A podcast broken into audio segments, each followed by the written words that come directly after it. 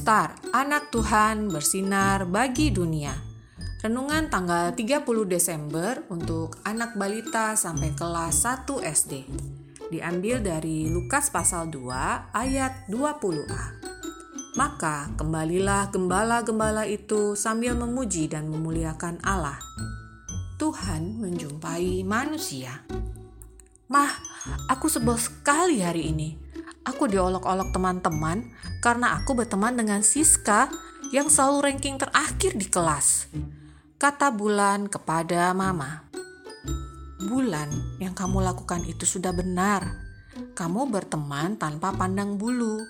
Artinya, kamu tidak membeda-bedakan teman. Jawab Mama. Iya sih, Ma, tapi aku sedih karena tidak ada yang mendukungku. Balas Bulan. Iya, Bulan.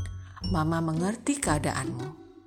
Tuhan Yesus mengasihi dan mau bersahabat dengan semua orang. Ketika Tuhan Yesus lahir, gembala-gembala yang pertama kali diberitahu oleh malaikat. Padahal gembala-gembala itu dianggap rendah. Mama menjelaskan sambil tersenyum, mengelus kepala bulan. Adik-adik, Tuhan Yesus sayang semua. Jadi, yuk kita juga berbuat baik dan mengasihi orang tanpa membeda-bedakan. Ayo ajak mama, papa, kakak, adik menyanyi bersama. Ku kasih kau dengan kasih Tuhan. Ku kasih kau dengan kasih Tuhan.